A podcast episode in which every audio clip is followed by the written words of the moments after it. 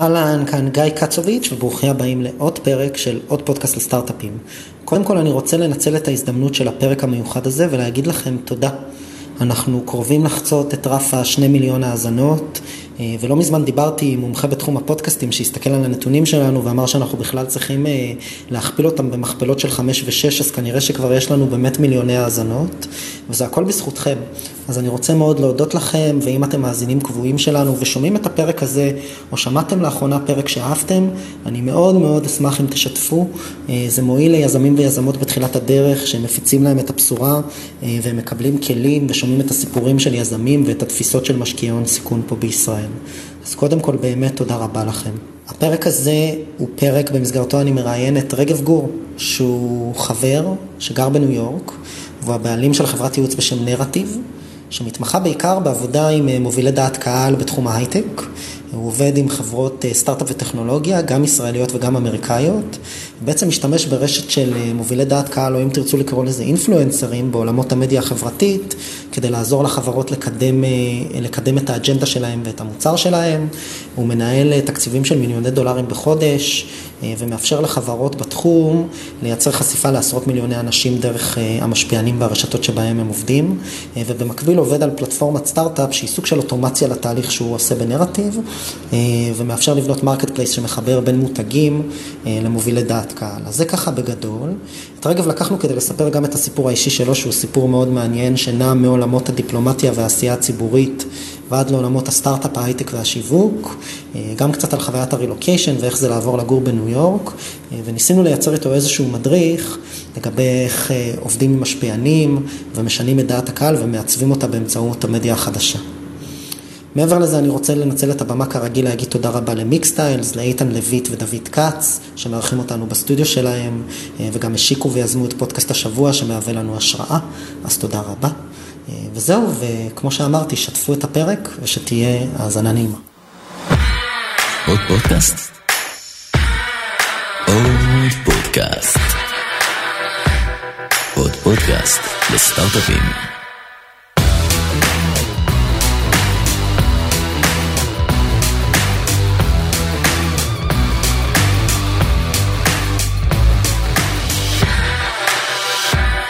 רגב. גיא.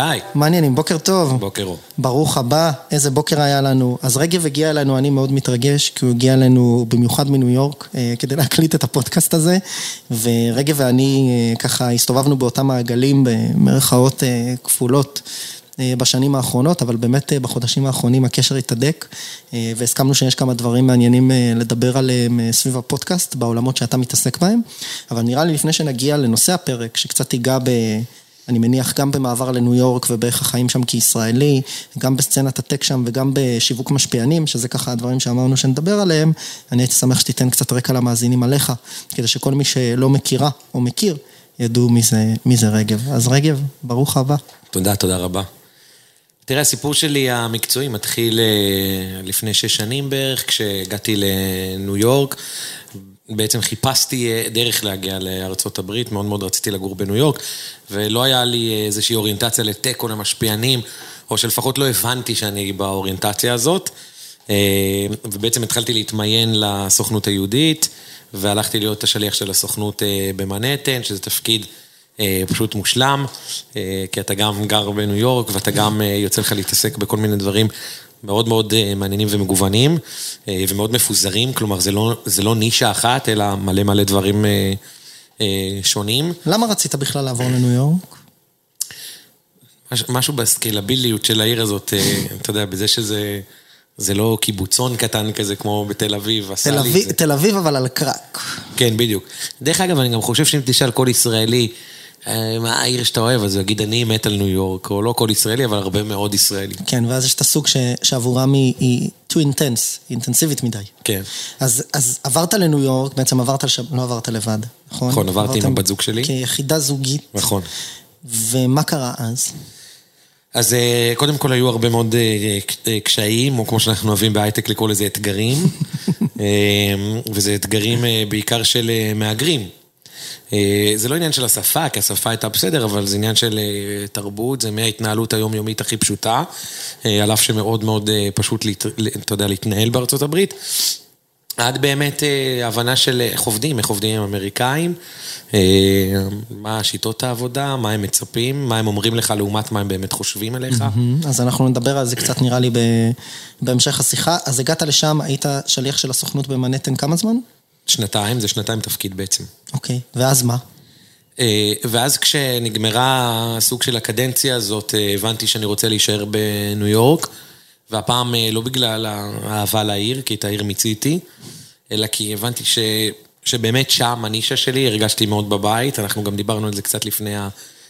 שהתחלנו להקליט אתה ואני, על מה מרגיש לי בבית, אז כשאני מגיע לניו יורק מרגיש לי בבית, וגם כשאני מגיע לפה אני מרגיש בטוב, אבל הבנתי שהביזנס שלי אה, אמור להיות שם. אה, גם כי מצאתי את הנישה שלי וגם כי באמת היא בלתי נגמרת. אמ, ופתחתי חברה, הקמתי חברה בעצם שקוראים לה נרטיב, שעושה פיתוח עסקי אה, ו marketing לסטארט-אפים ישראלים אה, ולחברות ישראליות. אמ, ואנחנו לפעמים חוטאים בלא לעבוד עם, אה, רק עם סטארט-אפ, אלא לוקחים לקוחות אחרים אה, משמעותיים ו, אה, וכיפים. אה, אם תרצה אחרי זה, באמת נרחיב עליהם. ו- ו- וככל שהזמן עובר, אנחנו מבינים כמה אנחנו יותר אה, מהווים ידיים ורגליים למי שצריך בארצות הברית. אז אני רוצה לדבר קצת על המעבר הזה, איך מהיותך שליח ציבור מתחילים לעבוד עם, עם חברות סטארט-אפ וטק בעצם, ו- ועוד פותחים סוכנות או עסק ל- לשיווק? אז הראייה המרקטיאלית, אני חושב שהייתה לי תמיד. זה גם, אה, כלומר, גם התפקיד, גם התפקיד לפני, שעשיתי את השיווק הדיגיטלי בבינתחומי, אה, בעצם לפני שטסתי לשל- לשליחות, וגם בשליחות עצמה אתה בעצם מוכר אה, סוג של אה, מוצר שהוא הרבה פחות מכיר מכל מוצר סאס אחר או משהו כזה, שזה בעצם אה, אה, ישראל, או אה, ערכים.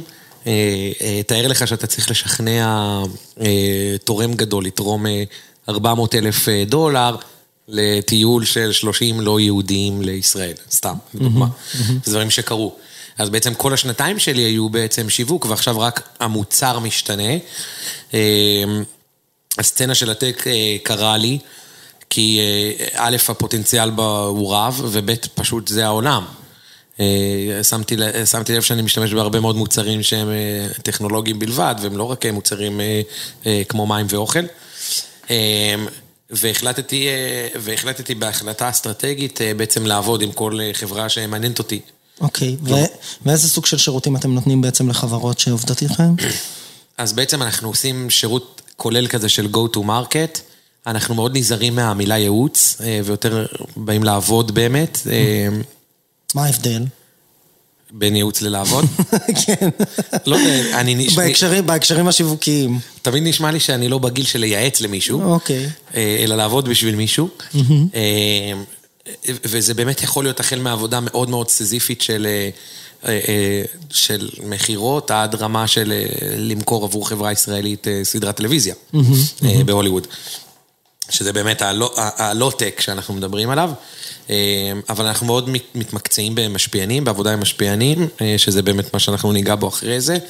אה, ובכל דבר שהוא בעצם מרקטיאלי עד acquisition ו sales, באמת.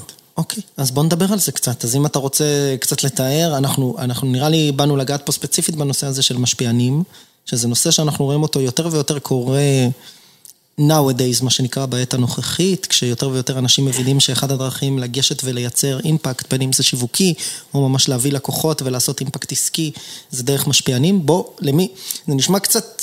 high level גם תוך כדי שאני אומר את זה, ואני אומר, רגע, אנשים בכלל לא מבינים מה זה משפיענים, זה נשמע כזה, אוקיי, אז אתה פונה למישהו באינסטגרם והוא מעלה עליך סטורי?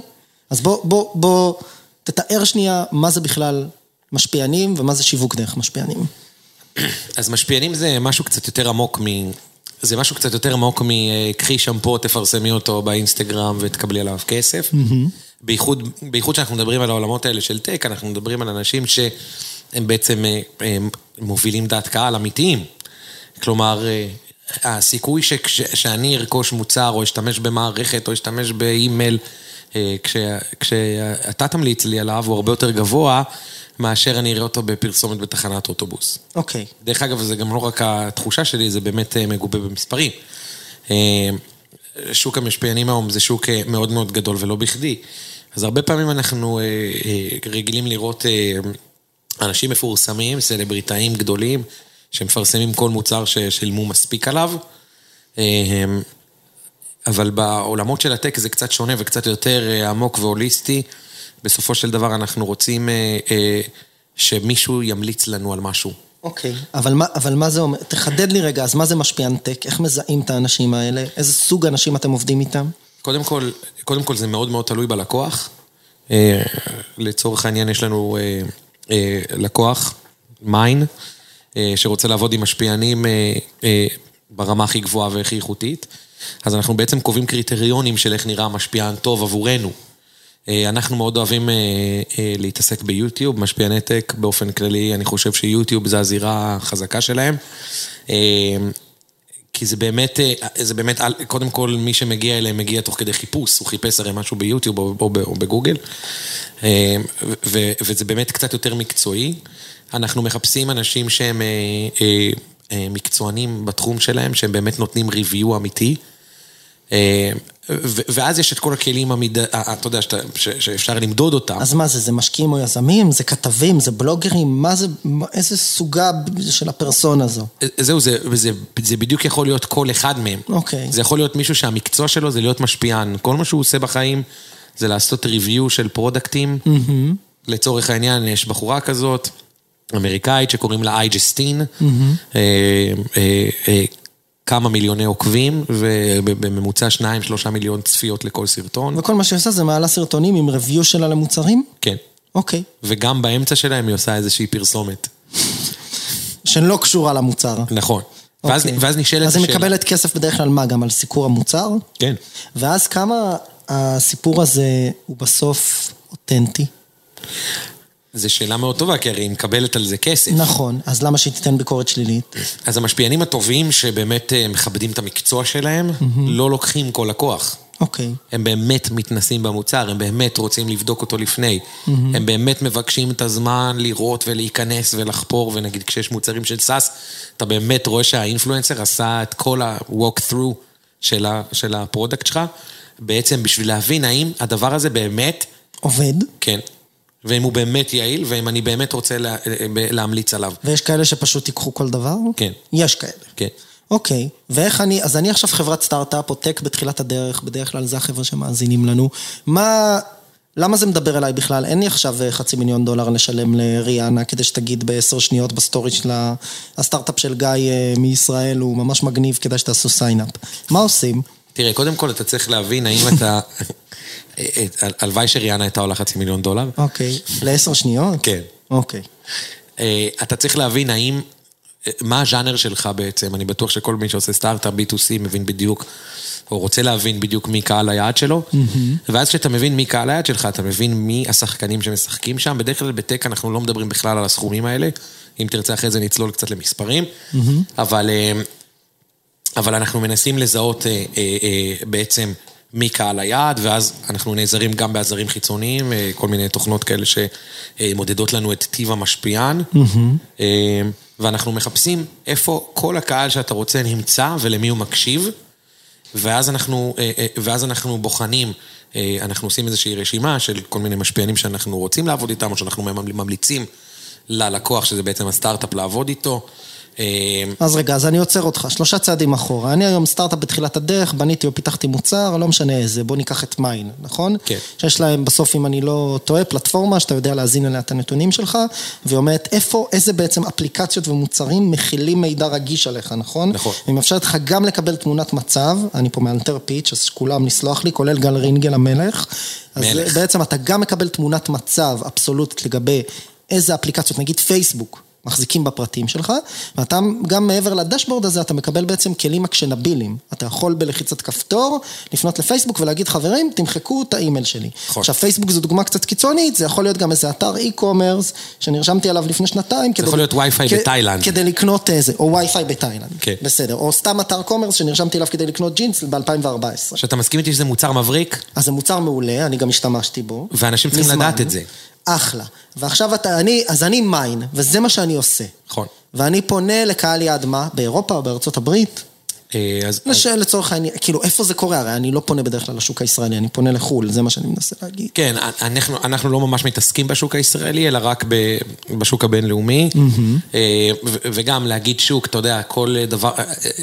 להבין במשפיענים ביפן ולהבין במשפיענים בארצות הברית זה עולם אחר לגמרי. לא, עזוב, אבל אני כסטארט-אפ עכשיו, אני כסטארט-אפ מגדיר לעצמי למשל שאני רוצה לפנות לשוק האמריקאי, עזוב אותך. אז אם אתה רוצה לפנות לשוק האמריקאי, לדעתי זה הדבר הפשוט ביותר מכל השווקים, כי התחום הזה מאוד מפותח שם. הבנתי. זאת אומרת, יש, בעצם מה שאתה מנסה להגיד זה שכתלות בגיאוגרפיה, יש התנהגות שונה לשוק האינפלואנסרים בכל גיאוגרפיה וגיאוגרפיה. כן, מאוד. אוקיי, איך זה בא לידי ביטוי? כל... אה, אה, אנחנו שמנו לב שמשפיענים בריטים לצורך העניין, אה, מתייחסים לעבודה שלהם מאוד מאוד ברצינות. הם מאוד מקצועיים, וזה בהכל, גם בזה שהם מצהירים שמה שהם עשו זה תוכן שיווקי, לעומת הרבה אמריקאים שלא מצהירים את זה, וגם אפילו לפעמים בסכומים, קצת יותר יקרים. אוקיי. אבל בעצם אנחנו, ברגע שקיבלנו את הקטלוג, לא רק הגיאוגרפי, אלא הגיאוגרפי והגילאי, יש מלא חתכים, אתה יודע, של... כן, סוגים, תחומים. כן, אז כמו בכל דבר, אנחנו עושים A-B testing, אנחנו אה, נתקלים הרבה פעמים בעבודה עם משפיענים שאכזבה אותנו. ואכזבה את הלקוח. אז, כל... אתה, אז אתה בעצם, לא- אז, אז אבל איך אפשר לעשות A-B testing? הרי זה כסף שהולך ולא חוזר, נכון? כן, אבל אז אתה מבין... זה לא כמו קמפיין performance בגוגל או בפייסבוק. נכון, אבל אז אתה מבין, אז המזל של אה, לקוחות מסוימים זה שאנחנו כבר עשינו את ה-A-B testing. על לקוחות אחרים. נכון. אוקיי. אין ברירה. Mm-hmm. הרבה פעמים אתה, הרבה פעמים אה, בשביל לקוח, אה, הנה ניתן עכשיו דוגמה, רצינו להביא סוג של משפיען בשביל לקוח X מסוים, אני לא רוצה להגיד את השם שלו, וכשמישהו שמע שאנחנו, איזושהי קולגה שלי מארצות הברית שמע שאנחנו הולכים לעבוד עם אותו בחור, היא אמרה לי, תראה, אני מרגישה חוסר נימות להגיד לך את זה, אבל יש שמועה שהוא קונה צפיות. עכשיו, מדובר בבן אדם שמציג את עצמו ונותן תחושה של בן אדם מאוד מאוד רציני. הוא עובד עם כל החברות הכי גדולות במשק בתחום הטק. ואז באמת עשינו סוג של due diligence לדבר הזה, ורצינו לראות האם באמת הבן אדם הזה אמין או לא. אז השווינו בין, הצפ... בין הצפיות שיש לו ל engagement שיש לו. וראיתם שהנתון נמוך מהממוצע. במאות אחוזים. מה שאומר שהוא באמת קונה צפיות, כי זה רק יוזרים טיפשים במרכאות שצופים ולא עושים engagement. נכון. אוקיי. שזה ממש הטיה של הלקוחות שלך. אהה. ואתה צריך להבין שמדובר בבן אדם שעולה 30 אלף דולר לדקה. אמ, ואנחנו עשינו החלטה שאנחנו לא מעוניינים לעבוד איתו על סמך מה שאמרו לנו. הבנתי, אז חלק מהתפקיד שלכם זה להכיר את ה influencer לפני, לבדוק עליו, וגם אם אחרי זה עבדתם איתו, אז לראות אם התוצאות טובות או לא טובות. כן. אז אנחנו שוב חוזרים לסיפור, אני סטארט-אפ ישראלי, פונה לשוק האמריקאי, אני בא אליך, אומר, זה קהל היעד שלי, זה הגילאים, זה זה. מה קורה? אתה אומר לי, הנה, זה התקציב, זה האינפלואנסרים, תשלם לי, ומה? איך נראה התהליך הזה? אז, הת... אז התהליך הוא מאוד ארוך. הרי צריך גם לייצר חומרים, לא? כן. אוקיי. התוכן פה חשוב ביותר. Mm-hmm. התהליך הוא מאוד מאוד ארוך. מי מייצר אותו, אתה או אני? תלוי מאוד בלקוח. אוקיי. לרוב אנחנו. Mm-hmm. אמ, אתה יודע, זה ב... אתה עוקב אחרי ה guidelines של הלקוח ושל המסרים שלו. כן. אבל אתה לא רוצה שזה ייראה פרסומת. נכון. אתה רוצה שזה ייראה משהו אותנטי, שה influencer באמת רוצה וממליץ להשתמש במוצר שלך. אוקיי. אמ, ופה אנחנו, רק להזכיר לך, אנחנו מדברים רק על B2C. כן. יש גם influencer marketing שעובד ב-B2B. Mm-hmm. אחרי זה, אם, אם תרצה, אה, אה, אפשר לגעת בזה, אבל... אה, אז, אז בעצם הלקוח, התהליך אורך בערך חודש וחצי, חודשיים, בשביל לסגור משפיען גדול. משפיען גדול יכול להיות מעל מיליון וחצי עוקבים, לצורך כן. העניין. Mm-hmm. כי יש התקשרות עם הצד שלו, גם לצד שלו, אתה יודע, יש סוכנים ומנהלים וכל מיני כאלה. Mm-hmm. ואחרי הפינג פונג הקדחתני שאתה עושה על המחיר, כי כולנו ישראלים וכולנו רוצים... אתה יודע, קצת, אה, אה, קצת להוריד במחיר. אה, ואחרי שנסגרים על כל הפרטים הטכניים, אנחנו מתחילים, לה... וזה לוקח זמן, אנחנו מתחילים בעצם להגיע לתוכן. אז רגע, לפני התוכן, בוא נדבר כן קצת על המחיר ועל סדרי גודל. למי זה מתאים? סטארט-אפים שגייסו סיד, A, B, כאילו, מה, סדרי גודל של מחירים? ברור שזה יכול בטופ להגיע לאינסוף או למיליונים, כנראה. עבודה עם משפיען טק טוב. שבאמת יעשה sign-upping למוצר שלך, או באמת יגרום לאנשים להוריד את האפליקציה שלך, אה, נע בין עשרת אלפים דולר לחמישים. אוקיי. אה, לקמפיין. זה יכול... מה זה קמפיין? קמפיין זה יכול להיות, בדרך כלל מה שקורה זה משהו שנקרא יוטיוב integration, או יש יוטיוב integration ויש יוטיוב dedicated. dedicated זה אומר, אני עכשיו מקדיש את כל הסרטון של העשר דקות האלה, לעשות review על, אה, על you name it, כל כן, חברת B2B כן, שאתה מכיר. ו integration זה בתוך סרטון שאני מקליט, אז על אני הדרך נותן לך אני... שתי דקות. אוקיי. מה- מה עדיף? אינטגריישן, אינטגריישן. עדיף דווקא לשמוע אותי תוך כדי משהו אחר? כן. למה? כי זה לא נראה פרסומת... אה, הבנתי, זה כזה על הדרך. ודרך אגב, כזה. ודרך אגב, אם כבר מדברים על, בואו תראו את המוצר הזה והזה והזה שהשתמשתי בו, ו, ו, וצריך לצפות בזה בשביל להבין כמה זה חזק. אמ, אז, אז, אז בעצם, אה, אז בעצם אינטגריישן כזה עולה בין 10,000 ל-50 אלף דולר. אה, שמעתי כבר על דברים שיותר. אה, אז זה מאוד תלוי מי המזמין של השירות הזה, כי אם הזמנת 20 פעמים את אותו בן אדם, אז אתה תקבל איזשהו תעריף אחר. כן. אה, וזה יכול באמת לגרור אה, עד רמה של, אה, של עשרות אלפי הורדות לאפליקציה, או עשרות אלפי הרשמות. כן. ואז בעצם נשאלת השאלה, מה שווה לי יותר? אתה משווה את זה למאמצים המרקטיאליים האחרים שלך, ול acquisition האחר, בין אם זה טאבולה, פייסבוק, גוגל וכל הדברים שאנחנו מכירים, וחברות שמאוד מעוניינות במספרים פלוס, שאנשים באמת יכירו את ה brand שלהם, נאלצות לבחור אה, במשפיענים. כי לפעמים זה גם ממיר יותר, אבל זה גם נותן איזשהו ערך, ערך מוסף, שאתה לא יכול לקבל אותו בכל משהו, בכל משהו אקוויזישני אחר. אז בוא נדבר על שני הערכים המוספים האלה. אחד, ממיר יותר, ממיר יותר, אתה מתכוון מקמפייני performance אלטרנטיביים. מלהשקיע את אותו סט של אותו כמות של budget באפיק אחר, בגוגל או בפייסבוק. נכון. אתם רואים שזה ממיר יותר? זה מאוד תלוי בלקוח, אוקיי. וב influencer ובקמפיין. אז התשובה היא תלוי. כן, אין זו תשובה. תשובה הוגנת. כן, אין, אין פה ממש, אין פה חד משמעיות. ברור שפייסבוק יכולים לנצח את זה בן רגע, אה, אבל אז השאלה מה זה לנצח את זה. כי, אה, אה, אה, כי לצורך העניין, אה, לצורך העניין, יש חברות חדשות, וזה בדיוק חברות שכנראה האנשים שמאזינים לנו אה, אה, נמצאות בהן. סטארט-אפ חדש, אף אחד לא מכיר אותו, יש כנראה עוד שלושה או ארבעה מוצרים דומים לו בשוק, והוא צריך לקבל trust, אוקיי. וזה ה value המרכזי. trust. אז כן. פה זה מדבר כבר על ה value השני של מה קורה כשיש influencer שמראה את המוצר שלי באינטרנט, נכון? כן. וזה, הסיפור הזה של trust כמה הוא חשוב? מ- מגה. למה? א', אנחנו רוצים להאמין שהבן אדם שמשתמש, למשל אם אנחנו לוקחים את הדוגמאות של SaaS, לדוגמה, אנחנו רוצים להאמין שהבן אדם שמשתמש במוצרי SaaS, עושה איזשהו מחקר קטן לפני שהוא מתחיל. כן. אני חקרתי לפני שהתחלתי להשתמש באסנה, אם להשתמש באסנה או במאנדל. ואז כשאתה. רואה review ולא רק איזה פרסומת, זה משפיע עליך. נכון. אוקיי. ואם אני רואה ריוויו גם של מישהו שאני מכיר ומעריך, אז על אחת כמה וכמה. אוקיי.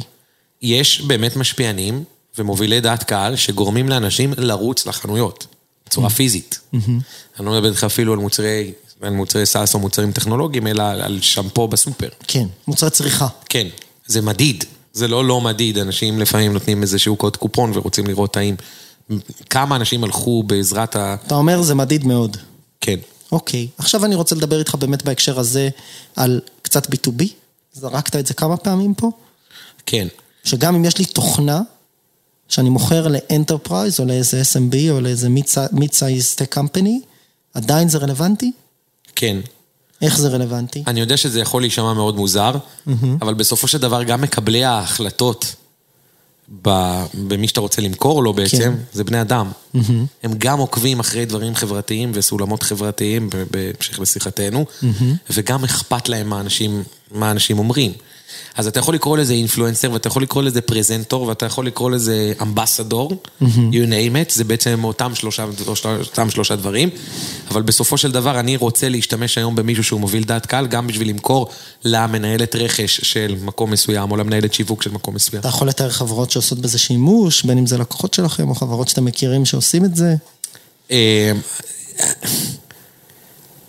אה, קודם כל, קודם כל אני יכול להתחיל מבגדול, לצורך העניין תראה את הדוגמה של גונג, שעשו פרסומת בסופרבול. נכון. ונשאלת השאלה בכלל למה. למה? גם וויקס. נכון. אוקיי. כי זה פשוט עובד, כי מישהו ראה שגונג עשה את הפרסומת בסופרבול, הוא מבין את גודל החברה, הוא מבין את גודל האירוע, והוא אומר, הוא בסוף מקבל החלטה, אמנם הוא לא מקבל החלטה אישית אם לקנות לעצמו שמפו או לא, אלא הוא מקבל החלטה בשם החברה שלו, אבל זה גם עליו עובד. אז הרבה חברות, הרבה חברות עושות את זה, בעיקר בהיבט של אה, גיוס כספים, הרבה חברות שעושות גיוס המונים.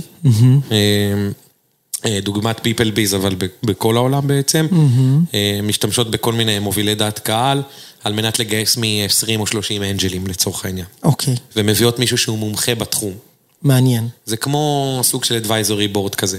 כן. אני מביא מישהו מומחה בתחום, אני עושה עליו איזושהי כתבה בעיתון, הוא מסכים לשתף איתי פעולה, אה, וזה פשוט עובד. וזה גם משהו שאנחנו עושים, פשוט זה פחות משהו שאפשר לדבר עליו. אז איזה סוג לקוחות או איזה סוג קמפיינים אתם מתמחים בהם, או איזה סוג דברים אתם בדרך כלל עושים? אנחנו שואפים הרבה יותר ל-B2C.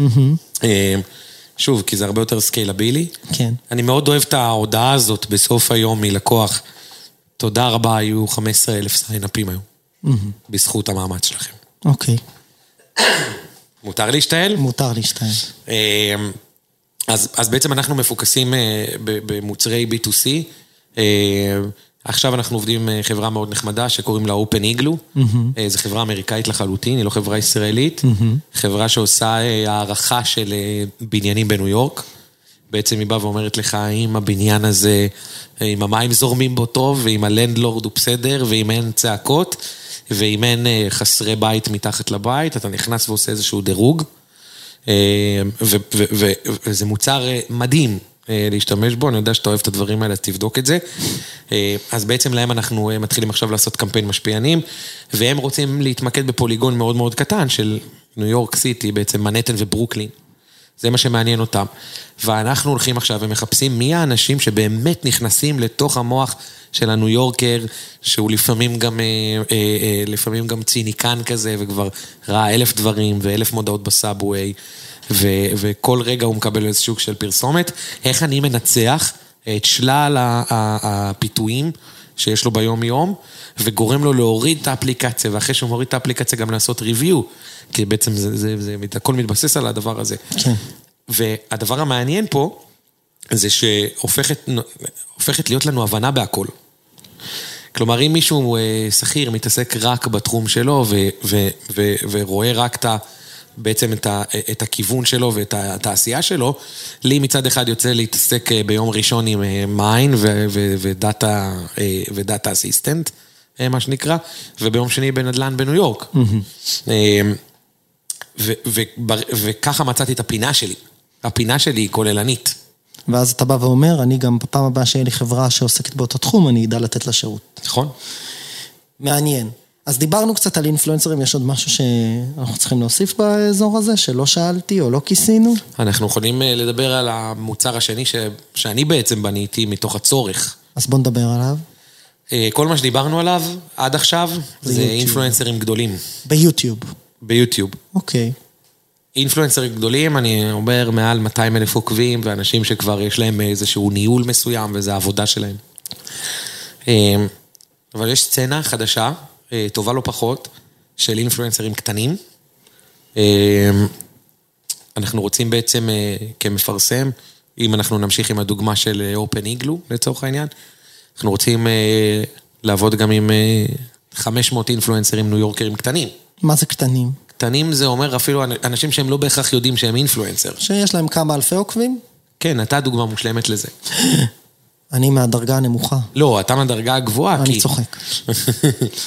אני צוחק. אז אנשים שבעצם יש להם כמה אלפי עוקבים, מה זה micro, nano אינפלואנסרים? זה השם? ננו אינפלואנסר זה בין אלף לעשרת אלפים, ומייקרו זה מעשרת אלפים לחמישים. אוקיי. ו- אז אז שזה בעצם אומר, בגדול, כשאני שומע את זה, אני אומר, בעצם מה שאתה אומר לי זה שכל מי שיש לו עוקבים הוא influencer. כי מעל 50 זה, מה זה, זה צריך לפתוח חשבון. נכון. אוקיי, אז אתה בעצם אומר, בעולם שבו כולם משפיעים, גם מי שיש לו בין 50 לאלף ובין אלף ל... חמישים אלף. ל-50 אלף, שזה בעצם כולנו, נכון? כל מי שמאזין לפרק הזה יש לו מעל 50 עוקבים, I hope so. לא, בין אלף לעשרת אלפים זה מייקרו, זה ננו, ובין עשרת אלפים לחמישים זה מייקרו. אה, 50 אלף. אז כן. לא בין 50 לאלף. לא, חמישים אלף, סליחה. הבנתי. אוקיי, כן. סבבה. אז אתה אומר כל מי שיש לו מעל אלף עוקבים, סביר, בסדר, סביר. אבל אני הולך איתך ואני מסכים, כל אחד הוא משפיען, גם מישהו שיש לו 400 עוקבים. אוקיי, ואז אתה אומר, אנחנו פונים לקהל הזה, של, ה, של ה, מה שנקרא, האדם מהשורה.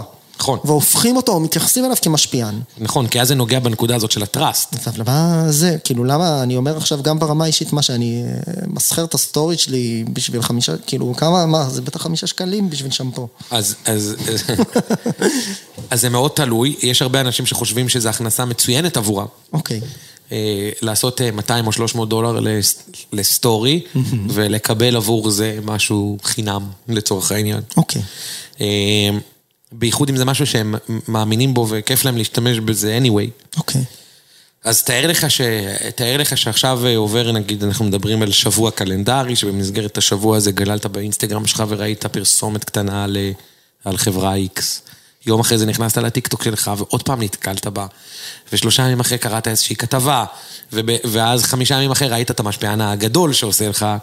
זה פשוט אה, מגיע אליך מכל הכיוונים, עד הרמה שאתה לפחות תרצה לבדוק מה זה בעצמך. אוקיי. אז אנחנו רוצים לתת אה, בחברה הזאת שהקמנו, קוראים לה ארטיק, בעצם ארט וטיקטוק, היא נולדה מתוך טיקטוק. אה, רצינו אה, לתת את הפתרון הזה למשפיענים קטנים. ולמה דווקא בטיקטוק? זה לא, זה, זה לא דווקא בטיקטוק, זה בכל הערוצים. התחלנו בטיקטוק כי באמת בנינו שם איזשהו נכס משלנו. אנחנו, אנחנו בבעלותנו כמה עשרות עמודי טיקטוק, אה, עמודי תוכן בטיקטוק, בין אם זה טכנולוגיה, מתמטיקה, אוכל, טבעונות וכולי, שאנחנו מתחזקים ואנחנו הבעלים שלהם. אז, אז השם נולד מזה, אבל אנחנו נעשה קמפיין גם בסנאפצ'אט ווואטסאפ וויצ'אט. אז אני מיין, או כל סטארט-אפ אחר, ואני רוצה לפנות אליכם, נשמע לי שגם פה זה כבר יותר אפורדבל, נכון? כן. אז איך אני יכול לקבל קמפיין דרכך ל-500 אינפלואנסרים שונים? אני מנסה להבין. אז הרעיון הוא שאתה תיכנס למערכת בעצם, תתחיל להגיד את היעדים שלך, כלומר, אני רוצה לעשות קמפיין באריזונה, אני רוצה לפנות לאנשים בני 20 עד 25, אה, המוצר הוא רק לנשים, אז אני רוצה לפנות רק לנשים לצורך העניין, אה, ואני מחפש אה, משפיענים בתחום הביוטי. המערכת תציע לך בעצם את כל המשפיענים או את כל האנשים שנרשמו אליה וכל האנשים שרלוונטיים, והיא בעצם תעשה להם איזשהו פינק כזה ותגיד להם, היי, יש קמפיין לשמפו של גיא, זה, אתם תוכלו לקבל על זה 200 דולר אם אתם מעוניינים. ונשאלת השאלה אם יש מוצרים כאלה בשוק, יש. אה, עדיין לא ראינו מישהו שעושה את זה עד הסוף, אה, או לפחות לא כמו החזון ש, שאני רואה את זה. ואז מה מצופה שהאינפלואנסר בקצה יעשה? יעלה פשוט איזה סטורי או איזה פיסת תוכן על הדבר הזה? כן, האינפלואנסר בקצה מקבל בריף מאוד מאוד ברור של מה הוא אמור לעשות. לפעמים יש לקוח שגם רוצה לתת את התוכן משלו, והאינפלואנסר רק צריך להעלות את זה. ובעצם נוצרת מסה קריטית של מאות אנשים שבאותו יום שיתפו את הדבר הזה. אוקיי. אה, אז זה משהו, ש, זה משהו שמוצרי טק גדולים לא משתמשים בו, אז זה סוג של בסוף אה, זירת פרסום? כן. אתה בעצם קונה משבצות פרסום אצל אנשים רנדומליים. ואיך אני יודע מי האנשים האלה?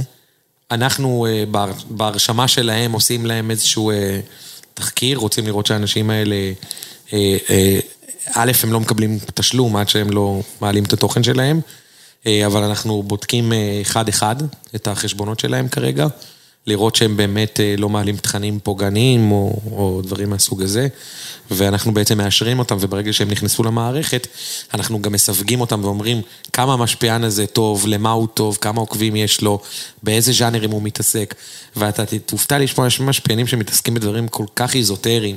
כמו? מישהו מתעסק רק במאדים.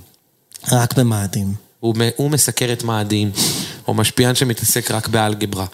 למשל, אחת החברות שאנחנו מייצגים כבר בשנתיים האחרונות, קוראים להם פרופרפ, וזה מוצר, אה, מוצר מושלם שפונה לסטודנטים אה, לתחומי המדעים בארצות הברית ובאנגליה. אז פונים לאנשים שבעצם מדברים על מה? על מתמטיקה? כן, אוקיי. כי אני מבין שאם יש לי משפיען של מתמטיקה שיש לו עשרת אלפים עוקבים ביוטיוב, עוקבים שעשו לו subscribe, שהם באמת מתעניינים בתוכן שלו, הם בהכרח מתעניינים במתמטיקה.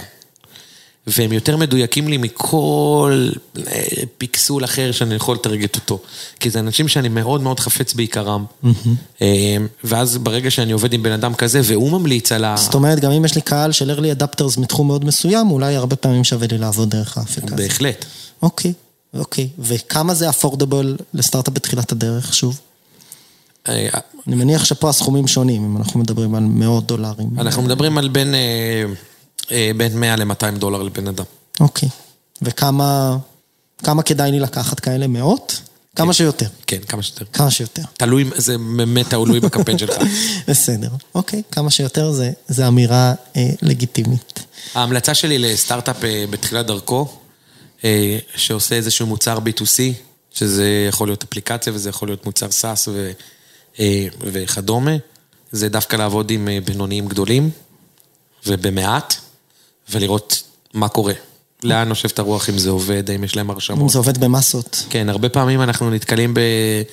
בחברות שעושות, רוצות מאוד, לרוץ מהר מאוד לקמפיין גדול, ו... ומקבלות איזה עשרת אלפים כניסות, אבל ה product שלהם לא מוכן. אז גם זה, אנחנו אמורים לבדוק את ה product לפני, לראות שהכל עומד כמו שצריך. שה flow של ה sign-up נראה כמו שצריך. כן. אוקיי, אני רוצה, קודם כל, נראה לי שהנושא הזה יחסית כוסה. אני רוצה לדבר קצת על, אה, על ניו יורק ו tech ניו יורקי ומעבר לניו יורק. איך כל החוויה הזו נתפסת בעיניך אחרי כמה שנים בתוך העיר? יש הרבה יזמים ישראלים שעכשיו עוברים לניו יורק. מלא. למה לדעתך זה קורה? הרבה פעמים אני חושב שהמעבר לא מוצדק, למה? כי... ו... והקורונה חידדה את זה. למה עברת? אתה שואל אותי, אני לא עברתי. לא, אני אומר, אני, אני שואל את היזם או היזמית, רוצים להיות קרובים לשוק. מה זה קרובים עם כל השיחות שלך בזום? אז, אז הרבה פעמים נשאלת בכלל השאלה מלכתחילה, למה להגיע לניו יורק? האם אתה באמת אה, אה, עושה שם דברים ש, שאם לא היית שם הכל היה מתמוטט? האם העיר באמת נותנת לך איזושהי אה, מוטיבציה? אני חושב שזה דווקא מפתח מאוד גדול לה- להצליח. המוטיבציה והתחרותיות שהעיר הזאת נותנת אה, היא בלתי רגילה, ואני לא מדבר רק על ניו יורק, זה יכול להיות מקומות אחרים, אבל כן, אנחנו רואים אה, אה, מעבר של כל מיני ישראלים לניו יורק או לארצות הברית, ואני חושב שבהרבה מאוד מהמקרים נדרשת עבורם גדול- גדול מאוד במה שהם צריכים. אתה יודע, אתה גרת בארצות הברית. כן, לא, לא גרתי, הייתי, הייתי על הקו כמה שנים, אבל, אבל אני באמת רוצה לשאול אולי בהקשר הזה, דיברת קצת בתחילת הפרק על ההבדלים התרבותיים, על ההבדלים בכוונה לעומת האמירה. מה בעבודה שלך, בניסיון שלך בעבודה עם אמריקאים, אגב, ניו יורק בהקשר הזה היא, היא הרבה פעמים שונה מערים אחרות, לא דין ניו יורק כדין אה, סן פרנסיסקו ו, נכון. ולוס אנג'לס לצורך העניין, אז מה, מה, מה לצורך העניין התפיסה שלך בהקשר הזה? בניו יורק לא מתרגשים מישראלים כמו שישראלים חושבים שמתרגשים מהם. אני אומר את זה גם לטובה וגם לרעה. לטובה זה עיר מהגרים, אה, והסיכוי שאתה תיפגש עם אה, אה, בחור הודי ובחורה סינית הוא מאוד מאוד גדול. וזה נהדר בעיניי, דרך אגב, כי זה מלמד אותך על תרבויות נוספות שהן לא רק אמריקאיות. אבל ה-adjustment הזה שבן אדם ישראלי שמגיע מהארץ ומהתרבות פה עד רמת ה... לא להידחף על מישהו במעלית, אה, הוא מאוד קשה וכך גם בעסקים. אני חושב שהרבה פעמים אה, יש לנו, יש- לישראלים, את התחושה שבזה שאנחנו, אה, יש את החוצפה הישראלית, אנחנו חושבים שזה משהו שהוא צ'ארמינג, ואני גיליתי שהוא לא תמיד אה, טוב. למה? כי אה, לא הרבה אנשים מכבדים את זה כמו שאנחנו חושבים שמכבדים את זה. אה, מסתכלים על זה כמה? כחוצפה? כן. אפילו לפעמים לא מבינים. אתה יכול לתת דוגמה? זה יכול להיות בדרך זה שעשית מייל תנק יו אחרי שיחה. אוקיי. אם דיברת עם בחור אמריקאי, אה, או עשית ראיון עבודה לצורך העניין בארצות הברית, נהוג שב-24 עד ה-30 שעות הבאות, תשלח איזשהו מייל פולו-אפ, מייל תודה. תודה שלקחת את הזמן, עם כל הגינונים, תודה שלקחת את הזמן לדבר איתי, אה, אה, ולסכם קצת את מה שהיה, ולהראות את ההתלהבות או חוסר ההתלהבות שלך מהתפקיד. כן. גינון שישראלים פשוט לא מכירים אותו. אין פה עניין של שיפוטיות, יש פה עניין של על מה גדלנו. וזה יכול להיות, אה, ו- וראיתי דברים קשים יותר של אנשים שמסיימים את השיחת טלפון בלהגיד, אוקיי, ביי. כי אנחנו כאלה, ו- והם לא כאלה. והרבה פעמים עניין של פרשנות, של מה הבן אדם האמריקאי אומר אליך, לעומת מה באמת הוא התכוון להגיד לך. למשל, כשמישהו אומר לי, yeah, sure, זה אומר שהוא לא מעוניין. למה? כי אתה שומע באמת על הטון שלו, הוא, הוא לא מסוגל להגיד לך לא, באופן ישיר, כמו שאתה ואני נגיד, נגיד לא, אם לא נרצה משהו. כן. אה, ונתקלתי זה- בזה עשרות אז זה פעמים. יותר בטונציה? זה בטונציה, וזה ב, ב, באמת שמישהו אומר לי, yeah, sure, שהשור כזה, אתה יודע, נמשך, זה אומר שהוא באמת לא מעוניין, אבל הוא לא יודע איך להגיד לך את זה. וכשאתה מבין את זה, אתה יודע איך לא ללחוץ במקומות ה... שלא צריך ללחוץ בהם, ואיך להשיג בעצם את מה שאתה רוצה להשיג. אוקיי, okay. ולמה אתה מרגיש שמתנהגים ככה ולא אחרת? הרבה פעמים ישראלים שמגיעים לארה"ב אומרים את זה. למה הם לא יכולים להיות uh, to the face כמונו? אתה לא בא למקום בשביל לשנות אותו. Mm-hmm. אתה, אם אתה רוצה, לי, תראה, אתה יכול להיעזר בהיסטוריה הישראלית שלך כשאתה מגיע. זה אומר לא לראות את הדברים אה, בדיוק כמו שהם, אה, לראות בצורה עגולה יותר ופחות מרובעת. אני לא אומר שזה משהו רע, זה משהו טוב, אבל אתה לא יכול לבוא ולחנך בן אדם איפה שהוא נמצא. כן. אה, אתה יכול... זו התרבות, ככה עושים עסקים. כן. אתה מוכרח לשלוח את הגינון הזה. אתה מוכרח לשלוח Thank you so much for taking the time. או I hope this email finds you well, על אף שאנחנו לא מעוניינים לעשות את זה. כי אתה חושב בצורה מאוד תכלסית. מה הבן אדם X שמולי רוצה ממני, אני אשמח לעזור לו, אבל שיגיע לנקודה בצורה מהירה מאוד. כן. והרבה פעמים זה לא ככה.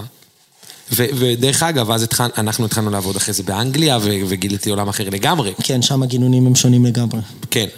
אז, אז, אז הרעיון הוא שאם אתה בן אדם עם אינטליגנציה רגשית, אתה תצליח יותר מאשר בן אדם ללא אינטליגנציה. ואיפה אפשר ללמוד את זה אם אני לא מכיר את הגינונים האלה?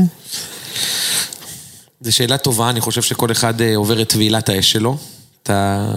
אה, אני, אני, תראה, אני לא רואה סיפורים שבהם ממש אף אחד לא הסכים לעשות איתנו עסקים כי אנחנו ישראלים. אף פעם לא נתקלתי בזה, ואני באמת רואה כל הזמן יזמים ישראלים בניו יורק, אני מדבר איתם אה, על בסיס יומי. כן. מה, איך בעצם הולך לכם? האם אתם מגייסים עובדים אמריקאים? הרבה מאוד, אני רואה הרבה מאוד חברות ישראליות שתרים אחרי עובדים ישראלים, כי הם לא מצליחים לצאת מהריבוע הזה של איך אני מעסיק אמריקאי. אמ, אה, אבל, אבל זה פשוט תוך כדי תנועה. אוקיי. עד מתי אתה כאן? עוד שבוע. עוד שבוע, בסדר. יש עוד משהו שרצית שאני אשאל ולא שאלתי? לא, היית קסם. אז גם אתה. אז נראה לי שאנחנו נסיים. תודה רבה לך על הזמן ועל התובנות, גם על שיווק משפוענים וגם על החיים בניו יורק. אנחנו נתראה פה בביקור הבא. יס. ביי רגב. ביי.